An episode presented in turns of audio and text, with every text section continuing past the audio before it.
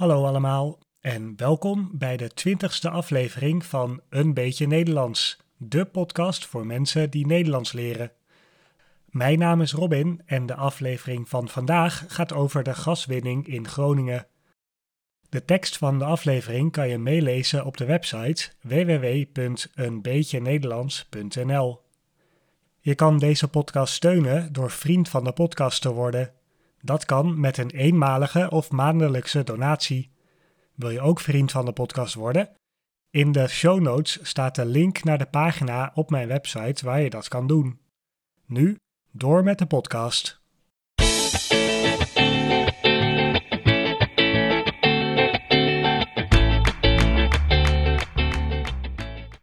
Als je aan een Nederlander vraagt wat het eerste is waar hij aan denkt bij de provincie Groningen, zal het antwoord waarschijnlijk aardbevingen zijn. Deze aardbevingen worden veroorzaakt door het aardgas dat in Groningen uit de grond gehaald wordt. Dat heeft Nederland economisch enorm geholpen, maar voor de Groningers zelf is het verhaal wat minder positief. De aardbevingen hebben geleid tot schade aan huizen en gebouwen in de provincie en dat probleem is nog steeds niet opgelost. We gaan eerst terug in de tijd, naar de eerste helft van de vorige eeuw. In die tijd werd er veel gezocht naar bronnen voor brandstof om de groeiende behoefte aan energie te kunnen leveren. Door de industrialisatie en de opkomst van bijvoorbeeld auto's was er steeds meer behoefte aan brandstof. Om huizen te verwarmen en om te koken werd in die tijd veel gebruik gemaakt van hout of steenkool. Deze soorten brandstof zijn niet zo efficiënt en wel erg vervuilend. Ook in Nederland is men gaan zoeken naar alternatieve brandstoffen. In Gelderland en bij Den Haag werd in de jaren 30 van de vorige eeuw aardolie gevonden. Aardolie is ook wel bekend als petroleum. De velden die in eerste instantie gevonden werden, waren niet groot genoeg om rendabel te laten zijn. Het zou niet de moeite waard zijn om een mijn te maken om de olie uit de grond te halen. In 1943 werd er in het Drentse dorp Schonebeek een groot olieveld gevonden. Het bleek dat het gevonden veld het op één na grootste olieveld in Europa was. Om de olie uit de grond te halen werd de NAM opgericht, de Nederlandse aardoliemaatschappij. We gaan de NAM nog meer tegenkomen straks bij het aardgas, maar in eerste instantie waren ze dus opgericht om de aardolie uit de Nederlandse bodem te halen. De NAM is een samenwerking van het Nederlands-Britse oliebedrijf Shell en het Amerikaanse Esso. Na de Tweede Wereldoorlog was het moeilijk om aan boormateriaal te komen die nodig waren om de aardolie uit de grond te halen. Daarom was een samenwerking met de Amerikanen nodig, die de materialen wel hadden. Zowel aardolie als aardgas ontstaat diep in de aarde, op kilometers diepte. De grond onder Nederland bestaat uit verschillende lagen. Zo'n 350 miljoen jaar geleden bestond de aarde vooral uit oerwoud en moerassen waar planten en dieren leefden. Dat werden fossielen. Daarna is het gebied van Nederland een tijd een woestijn geweest, dat een dikke zandlaag achterliet. Daarna is er, zo'n 100 miljoen jaar geleden, lange tijd een zee geweest waar we nu leven. Door de hoge druk van de zee werden de planten- en dierenresten van de oude lagen omgevormd tot steenkool. De zee verdween weer, maar liet een dikke harde zoutlaag achter van honderden meters dik. In de onderste fossiele laag, waar nu steenkool zat, ontstond aardgas. Dat is lichter dan steen en wil daarom omhoog. Het verzamelde zich in de zandlaag van de woestijn omdat het daar doorheen kon, maar het kon niet voorbij de dikke zoutlaag. Dat ligt momenteel op zo'n 3 kilometer diepte. Ook aardolie ontstaat op een soortgelijke manier. En daarom wordt er vaak ook aardgas gevonden op plekken waar aardolie gevonden wordt en andersom. In 1948 vindt het NAM voor het eerst aardgas bij Koevoorde in Drenthe. In 1959 werd ook in Slochteren in de provincie Groningen aardgas gevonden. In eerste instantie leek het geen grote ontdekking. Maar een jaar later werd noordelijker in Delfzijl in Groningen ook aardgas gevonden. Dit aardgas was gelijk in samenstelling van het aardgas in Slochteren. Daardoor besefte het NAM dat het één grote gasbubbel was. Deze gasbubbel is bekend geworden als het Groningenveld. Na metingen bleek dat het Groningenveld een enorm groot aardgasveld was. Er wordt geschat dat er bijna 3000 miljard kubieke meter aardgas in het gasveld zit.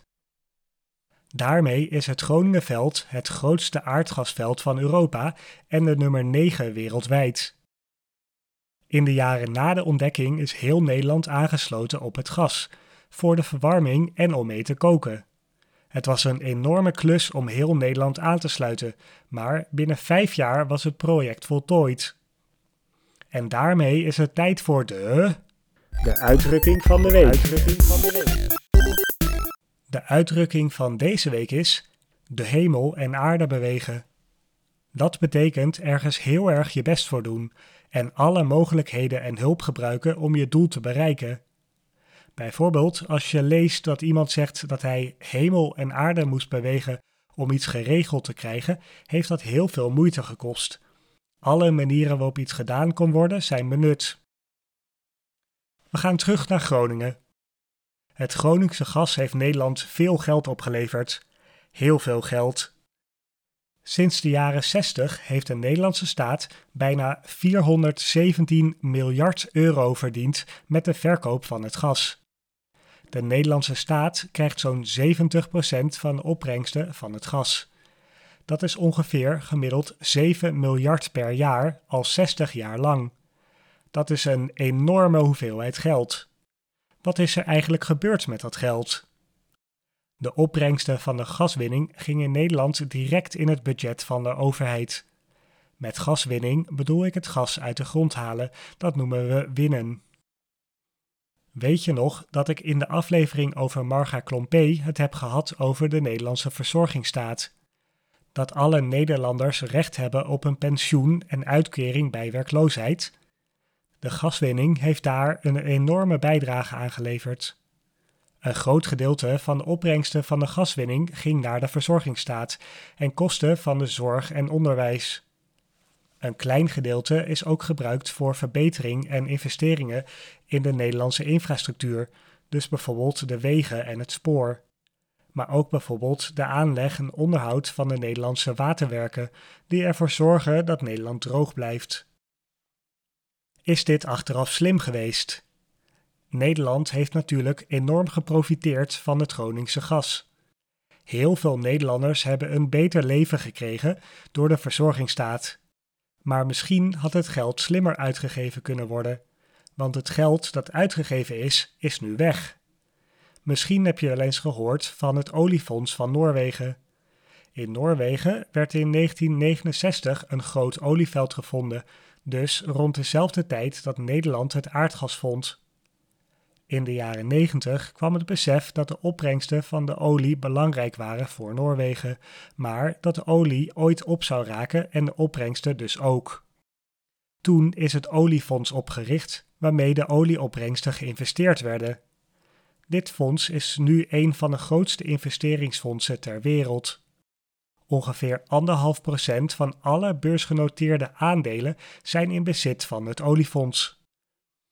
De totale waarde van dit fonds is door de loop van tijd opgelopen tot meer dan 1 biljoen euro, oftewel 1000 miljard euro. Elk jaar mag de Noorse overheid maar een klein gedeelte van de opbrengsten gebruiken.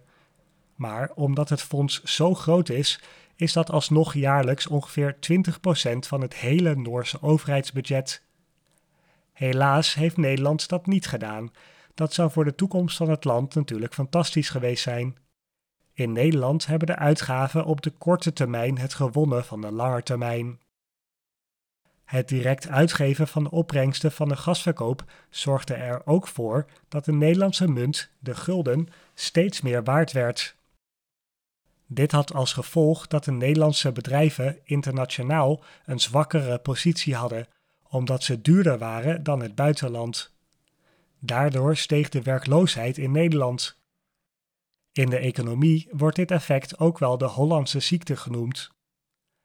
Paradoxaal genoeg zorgde dus de enorme opbrengst van het gas juist voor een slechte economische positie wereldwijd. Maar er is nog een belangrijk gevolg van de gaswinning om te bespreken. Nederland maakt nu zo'n 60 jaar gebruik van het Gronings gas. Hierbij is ongeveer 80% van de geschatte hoeveelheid gas uit de grond gehaald. Doordat er zoveel gas uit de grond is gehaald, daalt de bodem onder Groningen. Op sommige plekken is de bodem maar liefst 40 centimeter gedaald. De daling van de bodem heeft ook aardbevingen als gevolg. In 1986 vond de eerste aardbeving plaats. Vanaf 2010 kwamen de aardbevingen steeds vaker voor en werden ze ook heftiger. Er zijn een paar honderd aardbevingen geweest in het gebied sinds de eerste in 1986. In 2013 werden maar liefst 124 aardbevingen gemeten.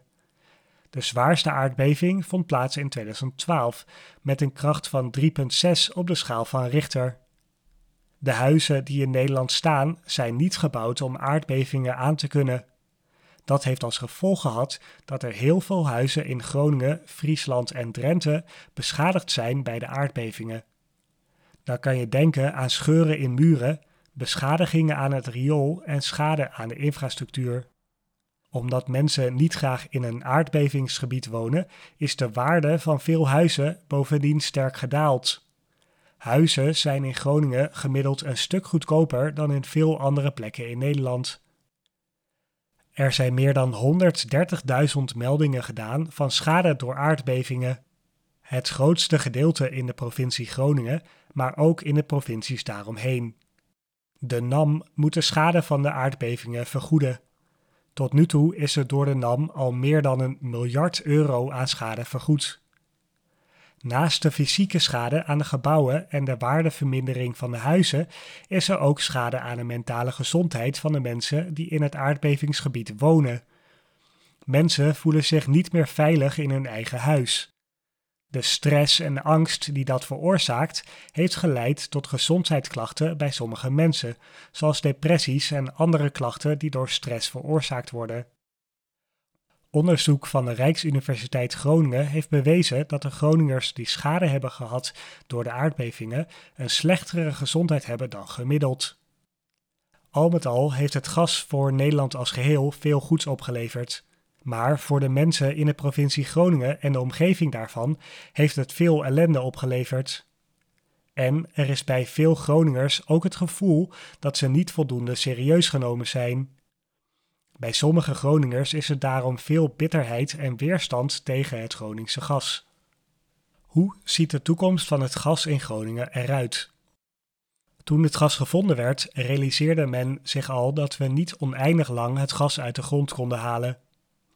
Maar dankzij de aardbevingen en het groeiende verzet tegen de gaswinning is de afbouw van het winnen van het gas versneld. In 2014 werd besloten minder gas uit de grond te halen. De jaren daarna werd nog een aantal keren besloten om de gaswinning verder te beperken. In 2017 was er opnieuw een grote aardbeving in Groningen.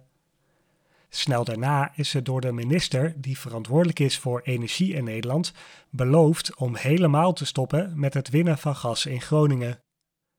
Vanaf 2022 zou er onder normale omstandigheden geen gas meer uit de grond gehaald moeten worden, tenzij het bijvoorbeeld een hele koude winter is. Maar deze belofte lijkt te optimistisch te zijn, omdat er nog onvoldoende alternatieve energiebronnen beschikbaar zijn. De komende jaren zal er waarschijnlijk nog gas uit de grond gehaald moeten worden. Nederland is nog steeds afhankelijk van aardgas. De meeste huizen maken nog gebruik van aardgas voor de verwarming en op te koken. Dat zal de komende jaren moeten veranderen. In 2050 moeten alle woningen in Nederland aardgasvrij zijn. Dat zijn 7 miljoen woningen en nog een miljoen andere gebouwen die aardgasvrij gemaakt moeten worden. Dat zal dus een enorme klus worden. Maar het zal moeten gebeuren. Niet alleen omdat we van het Groningse gas af moeten, maar ook om de klimaatdoelstellingen te halen. Nederland heeft afgesproken om in 2050 gebruik te maken van 100% duurzame energiebronnen, zoals zon, wind en water. Dus geen kolen of gas meer. Voor het koken zou heel Nederland moeten overstappen op elektrisch koken, met bijvoorbeeld inductie of een keramische kookplaat in de plaats van een gasfornuis. En in de plaats van een cv-ketel die op gas werkt, zullen we gebruik moeten maken van een warmtepomp die warmte uit de grond haalt. Alle huizen zullen ook beter geïsoleerd moeten worden en meer gebruik maken van zonnepanelen. In nieuwbouwwijken wordt al geen gasfornuis en cv-ketel meer geïnstalleerd.